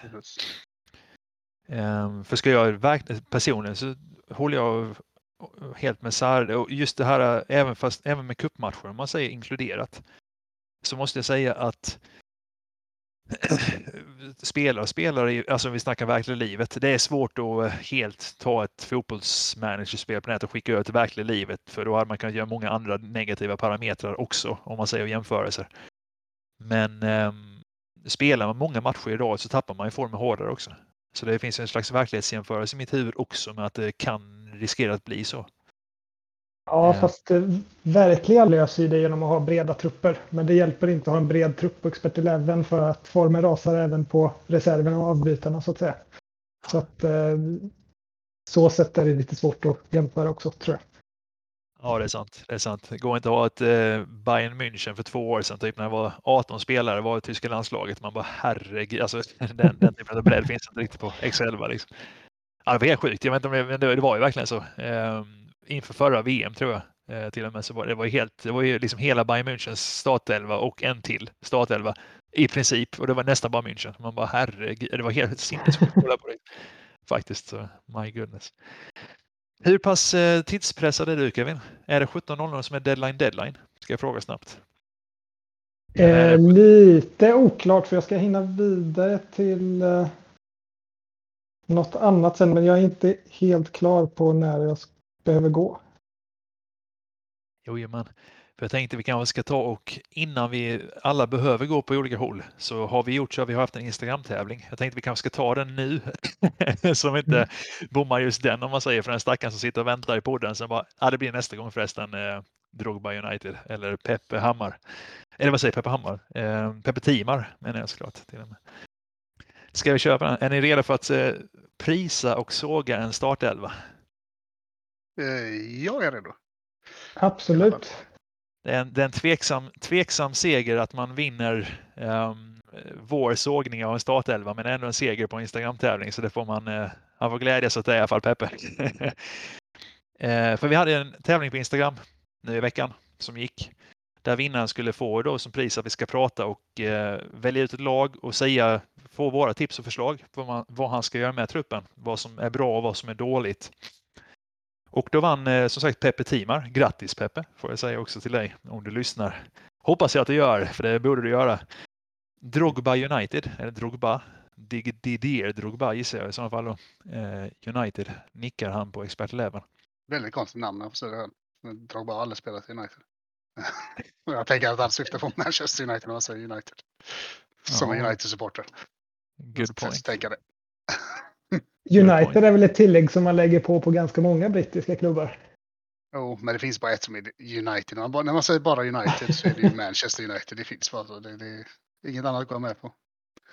Det är så han. Kan, han kan ha valt ifrån typ så här, det, det är United han spelar med Elfenbenskusten ungdomar. Så han har alltså jättebra tanke om det. Liksom bara, det finns bara ett Manchester United. ja, men det är, du, du kan inte ändra, ändra min åsikt där. Det finns bara ett United och det är Manchester ja. United. Så enkelt är det. Jag det är sant. med på annat. Det, det, är sant. Det är sant som säger. Men säger man United så tänker man ju direkt. Man tänker inte West Ham United, man tänker Manchester United i första hand. Eh, så är det ju. Så är det ju definitivt. Eh, han vann tre månaders VIP med ska sägas. Så det är inte bara vår sågning jag får utan han vann, han vann ändå lite, lite annat med. Lite annat med för detta. Eh, vi har kikat på det lag som har valt, Gulaschgrabbarna, i en liga som heter eh, så mycket som Kurva Ked League. Som ni som vill gå in och kolla på Drogba United fattar vad vi pratar om. Ni kan göra det. Och Gulaschgrabbarna där då. Hemmaarena soppskålen såg jag när det är fantastiskt. Underbart. Och eh, ja, jag drar en liten beskrivning för lyssnarna. Vi kollar på en uppställning som är, det är en 12, 12 lag i ligan. Alla i högsta divisionen, så det är ganska långa säsonger vi pratar om överlag tidsmässigt. Och Peppe, han har byggt ett lag då med, eh, vad ska vi säga, en, mm, hur ska man sammanfatta, sammanfatta detta snabbt? Eh, han har satsat på spelintelligenta spelare, har han gjort. Och eh, som en twist så han, sa han även inför detta att nu har jag inte haft den bästa ekonomin så såg jag mig inte för hårt. Jag vet inte vad jag kan lova på den fronten Peppe, vi, vi är hårda här. Men eh, han har byggt, byggt ett lag med stomme som är i princip 22-åriga åttor på många sätt och vis. Eh, han har börjat med unga spelare, 17-åriga treor, 18-åriga treor, 19-åriga fyror och byggt detta kring eh, spelintelligenta spelare och egenskaper. Hårdskjutande, nickskickliga backar, eh, kyliga spelare, vissa av dem också. Och eh, ha en relativt låg medelålder på det generellt. Så han ligger inte runt 26 år utan de är runt 22-23 år samtliga spelare. Mm. Och eh, undrar väl egentligen i så fall vad vi tycker om detta och om vi tycker det är ett bra lagbygge eller inte. Um, ska vi börja med, vi börjar med dig Daniel, bara för omväxlings skull om man säger, så får Kevin vara vila lite till, andas lite till innan vi kör på med. Ja, visst. Och jag, jag tycker väl det är väl intressant att han har byggt, försöker bygga med specialegenskaper. Eh, och det är ju fina egenskaper på gubbarna, det kan man inte ta ifrån dem. Däremot så är ju ja, skickligheten för den åldern de är är ju lite för låg för att jag ska vara något större fan av det så. Jag mm. tycker att det var bättre om han hade satsat på eh, skill över egenskap istället. Ehm, så. Ehm, sen så får man ju testa sig fram hur man vill, men jag får väl säga att det är där främst jag ser svagheten i laget är ju att ja, de är lite för, för låg skill egentligen helt enkelt för att ha någon briljant framtid så att säga. Eh, men eh, egenskaperna är fina och eh, sådär. Och sen så värt att tänka på att han ska skaffa sig lite fler gamla kanske för att maximera prestationen på gubbarna. Helt enkelt. Ja, det är väl egentligen det jag som först när man tittar på laget snabbast ser. Eh, så. Jag ska säga med som en fördjupning på det också. Han ligger dessutom, om man kollar på pengarna av de här 12 lagen, så ligger han 8 av 12 i pengar. Så jag tror inte att han sitter på en budget på 50 miljoner och kan bygga här heller. Liksom. Eh, och han ligger Nej. 11 och 12 i styrka i ligan. Har gjort det bra ändå, med, han låg femma i tabellen tror jag med detta. Men eh, det dig att känna dig eh, ja, ännu, ännu mer eh, hopp, icke hoppfull över laget Daniel? Nej, men jag, jag, jag, tror väl att som sagt om man kan eh, göra om det än en gång. Få upp de här som vi nämnde lite tidigare, att få upp dem till en styrka, en 10 styrka och sälja av dem och sen börja om och skaffa och jag skulle rekommendera att inte skaffa under en 17-årig eh, 17-åriga fyror som grundskicklighet. För att få, där kan du ändå med lite dubbelplupp och sånt ha ett ganska slagkraftigt stabilt lag. Eh, så jag tror att han ska ge det en generation till om man säger eh, börja, med, börja om från noll igen. För att få till ett riktigt eh, fint lag. För just nu så, jävligt fina egenskaper. Helt, kan inte säga någonting om det. Men skickligheten gentemot åldern är tyvärr lite, lite för låg. Ligger lite för långt efter, tycker jag. Vad säger du Kevin? ja, först och främst om man ska ge lite beröm också så är ju liksom tanken rätt från början att skaffa sig en massa juniorer och bygga lag. För det är ju ett av sätten som man kan bygga ett riktigt starkt lag på. Eh, med det sagt så, så håller jag ju med Daniel om att juniorerna kanske inte var tillräckligt bra från början. Eh, man har lagt eh, väldigt mycket pengar på eh, att ha mycket specialegenskaper på spelarna. För specialegenskaper är ganska dyra på transfern. Eh, men de gör inte sådär, tro det eller ej, de gör inte så jättestor skillnad på, för spelarens kapacitet så att säga, utan de är mest utsmycknad skulle jag säga. Så att det är mer värt att köpa en 17-årig fyra utan egenskaper än en 18-årig fyra eller 19-årig fyra. Eh, det får man liksom ut mycket mer av i längden och en mycket skickligare spelare. Eh, sen så tror jag det är nog absolut inga problem att sälja av de spelarna som finns. Eh, särskilt inte om man pluppar upp dem till 10 som, som Daniel sa för att spelare med specialegenskaper säljer ju ganska enkelt på transfern och man får rätt bra med pengar för det. Så att jag skulle säga det också, sälj av dem, bygg om, köp 17-åriga fyror istället. Eller till och med 17-åriga femmor om du kan ha råd med det med pengarna du får för försäljningarna. För 17-åriga fyror får du ju superbilligt, det kan man ju få för 100 000 liksom. Ja, precis, precis.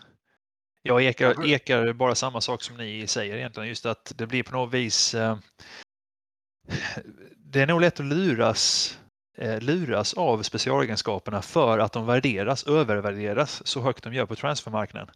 Som jag ser på specialegenskaperna, att man kollar på en mittfältare har som exempel. Eh, jag tar en i högen här för det är många bra egenskaper som sagt.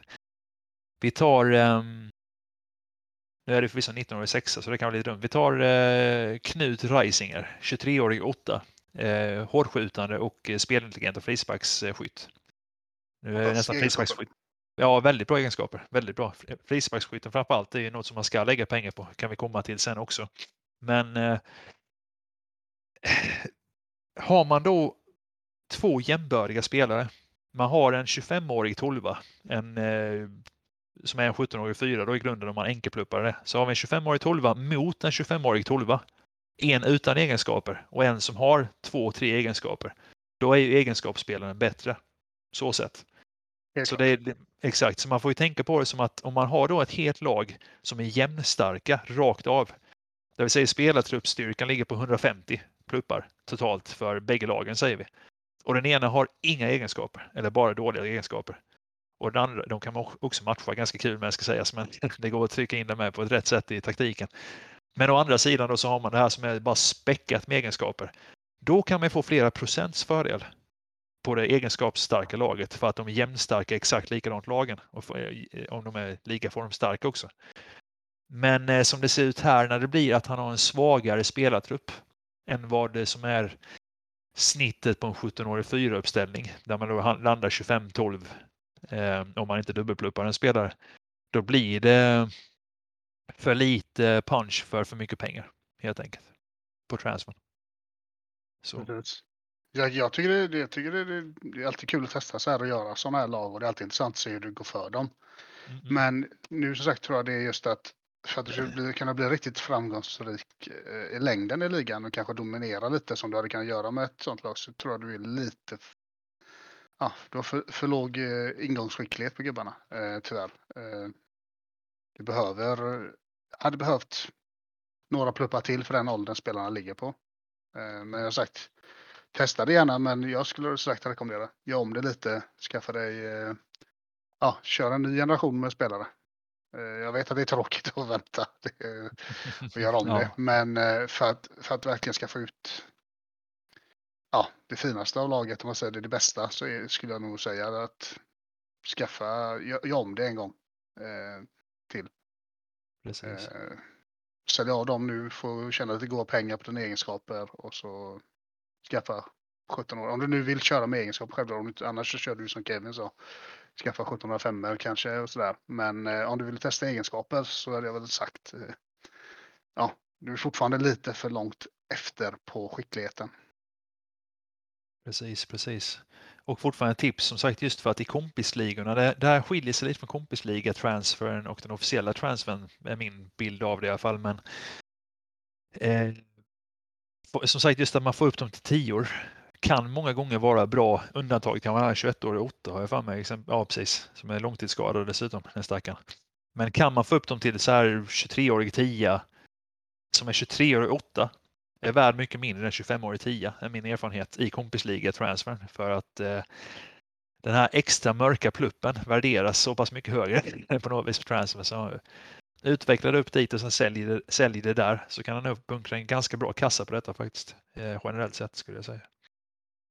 Om man har formträningspengar det vill säga. Det är nästa problem. Faktiskt. Ja, det, det är också man tänka på. Jag ska kika på vad han är uppe emot med för den delen. Um, IQ, IQ Berg. Um, Jesper har jag för mig. Nu är inte jag bra på förnamn. Jag vet jag butchade Adamants, eh, Joel Sjöstrands förnamn förra gången. Jag kallar honom för Adam. Ja, det, det trodde jag faktiskt han hette. Jag ska, ska läggas till. Precis. Jajamän, men eh, jag har för mig att det är Jesper på... Eh, jag kan kolla det ganska snabbt annars, men det gör jag inte. Så får IQ Berg ge sig på mig sen. Liksom. Men om man kikar på hans lag exempelvis som leder tabellen så då ser man just där 25-årig 11 och sen har han en förvisso en ganska så medelåldersbaserad trupp där, men det är liksom 12, 13, 13, 14. Eh, lite lågt skillade faktiskt för sin ålder där med i det spannet. Men han har 17 år 4, 18 år 5, 18 år 5, 20 år 7. Han ligger på det här snittet på 17 år 4 som startspelare på något vis. Och han leder ju ligan på detta dessutom. Så jag tror att i den ligan så hade jag kanske satsat på som, som absolut minst 18-åriga fyror som absolut minst så hade man kunnat ha ett slagkraftigt lag. Och 18-åriga fyror, enstaka spelare, kan man ju få med väldigt bra specialegenskaper och ändå få upp till en 25-årig 11 väldigt billigt. Så det är också en tweak i en mindre liga på detta viset. Eller vad säger du Kevin? Nu får du vara tyst länge din stackare. Nej, men jag håller med helt och hållet. Eh, så det finns inte så mycket att tillägga egentligen utan eh, Precis som man absolut vill ha specialegenskaperna så alltså i alla fall 18 år i fyra. Men eh, personligen så föredrar jag ju ett år mindre eller en skicklighetsplupp mer över en massa specialegenskaper. Förutom frisparksläggare, det måste man ha. Precis, ja visst ja, bra att du sa det. De två grejer som man kanske ska lägga pengar på eh, och, och, när det kommer till egenskaper så är det kanske bara en spelartyp som man ska lägga som är värt att pröjsa pengarna för på det viset och det är ju eller en synlig e-, egenskap snarare i alla fall och det är ju eh, frisparksspecialisten. För den är eh, så pass mycket bättre än spelare som slår frisparkar som inte är frisparksspecialister. Eh, så där kan man lägga in lite pengar på den specifika punkten. Och målvakten skulle jag säga kan vara väldigt trevlig att få en, ha en bra målvakt generellt. Håller ni med mig om den, om den slutsatsen? Ja, det är ju en väldigt viktig position också. Helt klart. Och sen ska vi också nämna träningsflitigheten. Den är inte synlig och den är svårare att hitta. Och den, eh, du kan, den kostar väldigt mycket bara att hitta den. eh, granskningar. Men den är rätt värdig. Eh, för det, det, kan spara väldigt mycket i längden också. Precis. Precis, precis. Eh, har ni några humörspelare i era lag? För jag, jag har börjat bli galna, galen på dem. Alltså. Ta mig fan rätt ut sagt. Alltså. Men det, Älskar ni humörspelare i lag eller hade ni, skyr, skyr ni dem som pesten som jag gör? För att de är så ojämna? Alltså. Jag gillar generellt mm. humörspelare faktiskt. Jag, inte, inte, inte för viktiga positioner som till exempel eh, målvakt vill du kanske inte ha en humörspelare på. Eh, eller back, är, eller mittfältare. men, alltså, jag tycker ofta, alltså har du bra form på en humörspelare så brukar han ofta, du, du, får ut så mycket extra av den formen. Eh, när han väl är, alltså det är värt någon enstaka pissmatch för att han är så jävla bra de andra matcherna tycker jag. Eh, det är oftare de har, tycker jag, sagt enligt min erfarenhet i alla fall, att de överpresterar än underpresterar. Tycker jag väl. Mm. I alla fall. Så jag vet inte, vad tycker du Kevin? Eh, Ja, jag är faktiskt lite kluven eh, till dem. Jag eh, gillar ju förutsägbarhet i prestationen hos mina spelare ändå. Så att jag brukar vara lite försiktig med att plocka in eh, humörspelare. Men med det sagt så finns det ju sätt att liksom minimera effekten av deras dåliga prestationer. Till exempel jag gillar ju de här bytesalternativen. Byt ut sämsta back, byt ut sämsta mittfältare, byt ut sämsta anfallare liksom. För att an, har du ett... Ja, precis. precis. För att har du ett, eh, ett hyfsat jämnt lag styrke och formmässigt så kan du använda dig av det för att eventuellt byta ut en humörspelare som presterar dåligt för då kommer han att gå ut. Om din spelare kommer in från bänken så kommer du få en bättre prestation i andra halvlek om du gör det i 45 minuten. Eh, Men om han presterar bra så är det ju en annan spelare som kommer vara senserande. Så då kommer han ju vara kvar på plan och fortsätta prestera bra. Så att på så sätt så kan vi liksom minimera nersidan lite. Eh, och kan man använda sig av sådana trick så gillar jag ju ändå att ha någon sån spelare i, i laget. Liksom. Ja, det är sant. Det är en bra, också, också en väldigt bra poäng. Ehm, det känns som det kommer väldigt många bra eh, breda poänger så det uppskattas. jag, jag, jag, får säga, jag får väl säga det också. Jag, det är inte att jag medvetet plockar in, alltså letar efter en humörspelare. Det är inte så mycket gillar jag inte dem utan det är, ja, hittar dem så har jag inte emot ofta. Men som så också där, man, du ska inte ha tio, tio humörspelare. Det ska, kan inte säga rekommenderas. Eh, men någon enstaka per lagdel brukar oftast, tycker jag, ja, funka utan större problem faktiskt. Eh, enligt min erfarenhet i alla fall. Då brukar det gå rätt okej. Okay. Jag ska säga anledningen till, anledningen till varför jag skyr dem som pesten egentligen. Eh, det är väldigt specifika, specifika exempel egentligen. Det är just att jag tycker jag har haft eh, en, en del matcher där man haft jämnbra lag som gått upp mot varandra. Och jag har haft en, en humörspelande back. Och jag, jag tycker, men jag sätter ett mönster i att jag har förlorat matcher som jag inte borde förlora när den backen, specifika backen, haft en pissmatch. Faktiskt. Det är min eh, enda anledning till varför jag börjar riktigt lacka ur på dem faktiskt. Det är väldigt lite statistikexempel, men det är tillräckligt för att jag, ska jag köpa en humörspelare så köper jag det i möjligtvis anfallare då, om man säger.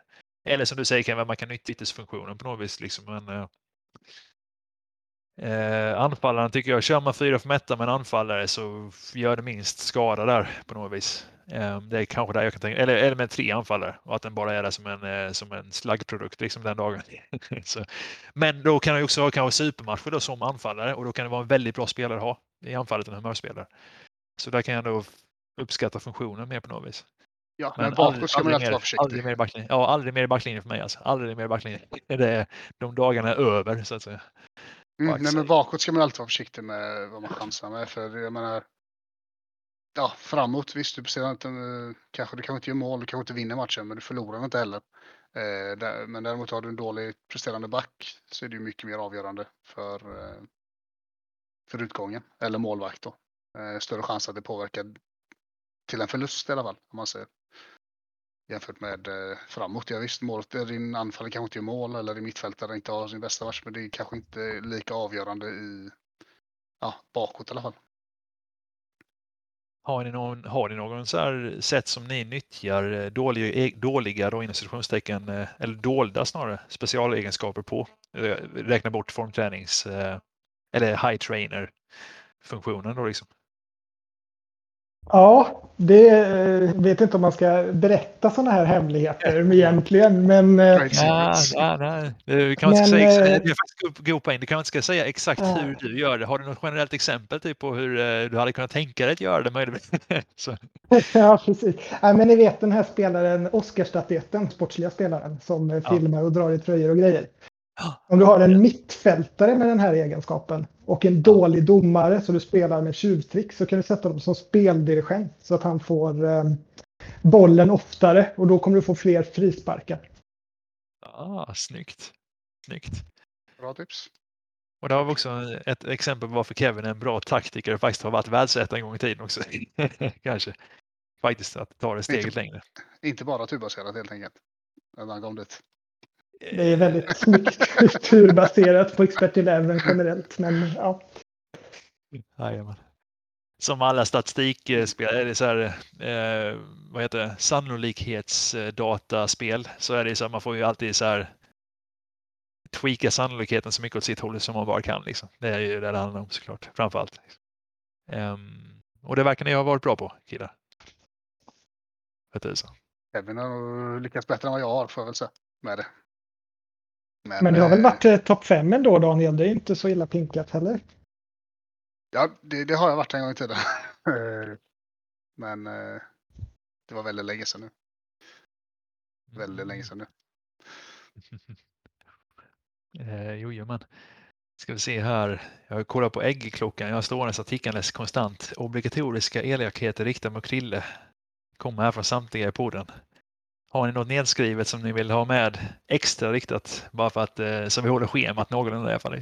Nu är vi nog förbi minut 77-80 ska sägas, men ändå. men ändå. Men jag tänker Kevin, du brukar alltid, du har ju ett sätt att trigga Krille på som ingen annan har, eh, känns som. Eh, utan att vara otrevlig på något sätt, eh, i alla fall. Utan det är bara av att du lyckas besegra honom hela tiden. Och han, så, så har du några tips på hur man, hur man bäst förargar Krille och gör honom ledsen och hatisk? Eh, nej, men du, det, det, som fungerar bäst är ju såklart att eh, spä på det när han klagar på att han har otur. Att man bara ja, går in och, och uh, hittar på skäl till varför det inte alls var otur. Uh, det kan trigga honom uh, ganska bra. Bra, så nu hör ni folk. Det är bara ja, trigga igång Alla skriver i hans gästbok. Mm, mm, mm. um, jag ska säga med Kevin, du är med i tre av Krilles ligor. Hur hårt tjatar han på dig för att få med dig i samtliga tre ligor? Eller behöver han ingen, eh, ha han någon hållhake på det eller var det liksom så här, ingen, eh, ingen fråga alls? Det bara slängde raka vägen in i samtliga liksom, med glädje. Nej, men inte alls egentligen. Det var Karloff som hittade mig, eh, en medlem, när jag kom tillbaka till sajten. Hur han bar sig åt det vet jag inte för att jag eh, låg och harvade i division 6. Långt ifrån det publika ögat. Men eh, Ja, Krille fick ju nys om det här och eh, bjöd in mig till sina ligor helt enkelt. Och eftersom jag inte var med i så mycket ligor då så hade jag lagkvot till dem. Så jag gick med allihop. Jag tyckte det verkade kul. Konstigare än så är det inte. Jag ska tillägga att Karloff även den som hittade mig igen. Eh, som först var där och varnade. Han, jag inte, han är bra på att spana den gubben. Jag vet inte riktigt vad han sitter runt och kollar eller söker efter när han letar efter managers men han är duktig på det. Mm, mm. mm. Och Karloff är då den som är först att fly igen från spelet, ska det dessutom sägas. till råga på allt. Liksom. Till råga på allt. Ta mig fasen. Var du också med i tre, alla tre av Krilles ligor, Daniel? Right. Du var med i... Ja, jajamän. Förlåt. Jajamän, jajamän. Vad har han för hållhake på dig då? Christian? Na nakenbilder. Ah, yes, yes. Det har inte det är så. Det, Bara, han är, ska jag säga. Han är lite snuskig den gubben. Ojomän. Ja, nej, nej, det är bara att jag, jag gillar Krille, han är rolig. Det är kul om hans liga. Så enkelt är det. Ska inte vara allt för elaka. Sen ska det sägas att det är okej att provocera Krille för han är så provokativ själv. Så att, eh, han har ju gjort ja, ja, det till sitt signum så att säga. Så att, eh, då får han ta tillbaka lite tycker jag. Det, ja för fan. Eh, var på honom så mycket ni kan. Jävla som han skriver hans gästbok och var otrevliga. Det, det uppskattar han. verkligen. verkligen. Han var jättenöjd efter det.